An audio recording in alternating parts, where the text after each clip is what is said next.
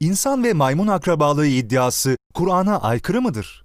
Evrim teorisine İslam dini adına gösterilen tepkilerde en çok dile getirilen hususlardan biri bu teorinin insanlarla hayvanlar arasında bir soy ortaklığı kurması ve de özellikle hayat ağacında insan soyuyla maymunumsular arasında yakın bir ilişki bulunmasıdır.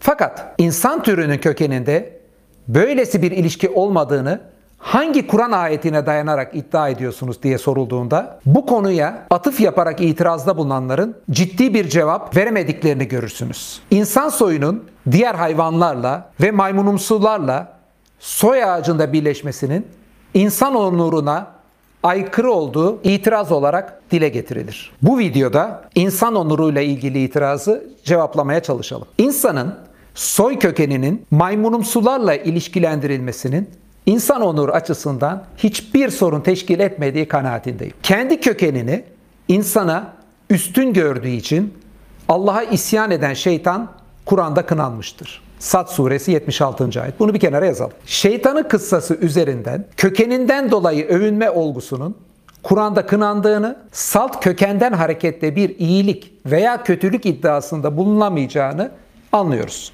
Durum böyleyken insan onurunu soy kökeninde aramak gibi bir yaklaşımın Kur'an temelli bir dayanağı olmadığı çok rahatlıkla söylenebilir. Tek tanrılı dinlerin tüm kutsal metinlerinde olduğu gibi Kur'an'da da birçok putperest ve kötü ahlaklı kişi kınanır. Kur'an'da kınanan Firavun ve Ebu Leheb gibi kişiler insandır. Fakat bu hususu kimse insan onuruna zıt bulmamıştır. İnsan türünün üyeleri arasında böyle insanlar olmasını, Firavunlar, Ebu Cehiller olmasını insan onuruna aykırı bulmuyorsak, hayvan türleriyle hayat ağacındaki herhangi bir ilişkiyi insan onur açısından nasıl sorun olarak görebiliriz? Üstelik Hz. Muhammed'in en büyük düşmanları olan Ebu Leheb ve Ebu Cehil aynı zamanda onun yakın akrabalarıydılar. Eğer kötü birileriyle soy yakınlığı bir insanın onuruna zarar veriyorsa Hazreti Muhammed'in böyle insanlarla soy yakınlığı olmasından dolayı onurunun zarar gördüğünü de kabul etmek zorunda kalırdık. Fakat haklı olarak hiçbir Müslüman böylesi bir iddiayı kabul etmeyecektir. Bu da soy bağıyla insan onurunu bağdaştırmanın yanlışlığını gösteren çok açık bir örnektir. İnsanların kedilerle veya balıklarla veya maymunlarla aynı hayat ağacında birleştiklerine ve soy ortaklığına sahip olduklarına dair bir iddia insanların Firavun'la veya Ebu Leheb'le aynı canlı türün üyeleri olduğu gerçeğinden daha mı kötüdür sizce? Kur'an'da Firavun'un ve Ebu Leheb kınanır ama balıklar, sincaplar, filler, maymunlar kınanmaz. Kur'an'da bazı zalim insanların hayvanlardan daha kötü bir durumda oldukları da ifade edilir. İlgili ayet Furkan suresi 44. ayettir. Şöyledir. Onlar hayvanlar gibidirler. Tuttukları yol bakımından hayvanlardan da şaşkındırlar. Evrim teorisine karşı kimi zaman dile getirildiğine tanık olduğum bir retorik de bu konuda yapılan yanlışla ilgilidir. Bu retoriği dedenin yakışıklılığı argüman olarak isimlendirdim. Bu retoriği ifade edenler şuna benzer bir şeyler söylemek istemekteler. Benim dedem maymun değil, senin dedenin maymun olması kuvvetle muhtemel. Bu retoriği kullanan kendi dedesinin ve kendisinin yakışıklı olduğunu ve karşısındakinin tipinin bozuk olduğu için maymundan gelmesini muhtemel olduğunu ifade etmektedir. Bu retorik gülmek için eğlenceli bir malzeme verebilir. Gülelim hep beraber buna. Fakat bu retoriğin gerçek cevap zannedilmesi önemli bir hata olur. Bazıları bunu gördüğümüz kadarıyla gerçek bir cevap zannediyor. Kur'an'a göre hayvanlardan daha kötü durumda olan insanlarla insan türünün ortak üyesi olmaktan rahatsızlık duymayanların Kur'an'da hiçbir kınamaya muhatap olmayan hayvanlarla soy ortaklığı olmasından rahatsızlık duymaları dini ve mantıki temeli olmayan bir rahatsızlıktır. Hatta şunu diyebilirim, aksine bütün canlıları bir kökte buluşturan bir teorinin canlılar dünyasına daha çok yakınlık duymamız için bir sebep sunduğu ve böylesi bir birleşmenin çekici bir güzelliğe sahip olduğu kanaatindeyim. Ünlü İslam filozofu Miskeveh gibi birçok başka İslam filozofu evrim teorisiyle ilgili bilgiler hiç ortada olmadan yüzlerce yıl önce varlık merdivenlerinde insanla maymunu yan yana sınıflamışlardır.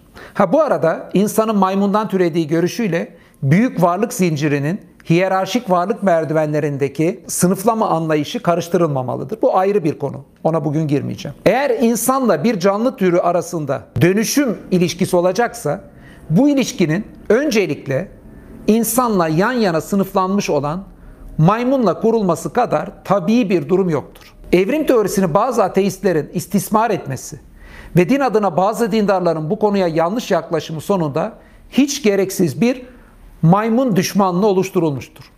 Bu şartlanmış tepkiye Kur'ani ve mantıki bir temel bulmak ise mümkün değildir. Oysa İslami açıdan itiraz için gerekli olan budur. Ayrıca böylesi bir sorun görenlere karşı şu hususlar da gündeme getirilebilir. Cansız olan çamur, ham madde olarak insanların ve hayvanların ortak kökeni olduğunda bir sorun olmuyorsa, tek hücreli bir canlının tüm canlıların ortak kökeni olması da, maymunumsuların insanın atası olması da insan onuruna aykırı bir husus olarak kabul edilmemelidir. Hayvanlar çamurdan daha mı aşağı bir mertebededir? Bilimsel veriler vücudumuzdaki hücre sayısından çok daha fazla sayıda trilyonlarla yani laf gelişi değil gerçek anlamda trilyonlarla ifade edilen bakteriyi bedenimizde barındırdığımızı göstermektedir. Bedenimizde trilyonlarca bakteri var. Yani bedenimiz adeta bir bate, e, bakteri gezegeni. Vücudumuzdaki bu bakteriler adeta organlarımız gibi bizlerin parçası. Ve bunu hangimiz insan onuruna aykırı buluyor?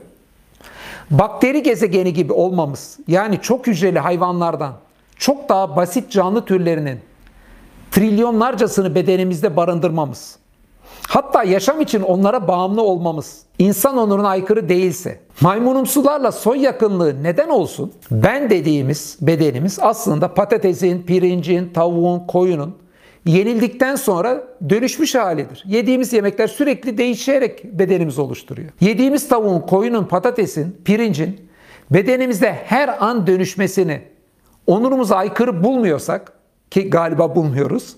İlk insanların, hayvanların ve maymunumsuların dönüşmüş şekli olduğumuza dair bir iddiayı da onurumuza aykırı görmemeliyiz. Biyoloji biliminin çok güzel bir şekilde açıkladığı gibi yediği salatalığın ve tavuğun her an dönüşümü olmakta bir sorun görmeyen birçok kişi maymunlarla yüz binlerce yıl önce ayrılan bir soy ortaklığını sorun zannetmekteler. Evrim teorisinin onurumuza ve ahlaki yapımıza ters olmamasının bu teorinin İslami inanç açısından doğru olduğu veya bu teorinin kabul edilmesi gerektiği anlamlarını taşımadığını da ayrıca belirtmem lazım. O tartışma biyoloji, yer bilim, fosil bilim gibi bilim alanlarıyla ilgili bir tartışmadır. Fakat insan onuruna atıfla bu teoriye İslam dini adına itiraz edilmesinin Kur'ani bir temeli yoktur. Bazen e, insanın en güzel bir biçimde yani ahseni takvimde yaratıldığına dair Kur'an ayeti gündeme getirilip bu ifadenin evrim teorisiyle çelişik olup olmadığı sorgulanmakta. Bu ifadenin geçtiği Tin suresindeki ayet ilişkili olduğu bir sonraki ayetle beraber şöyledir. Dördüncü ayet.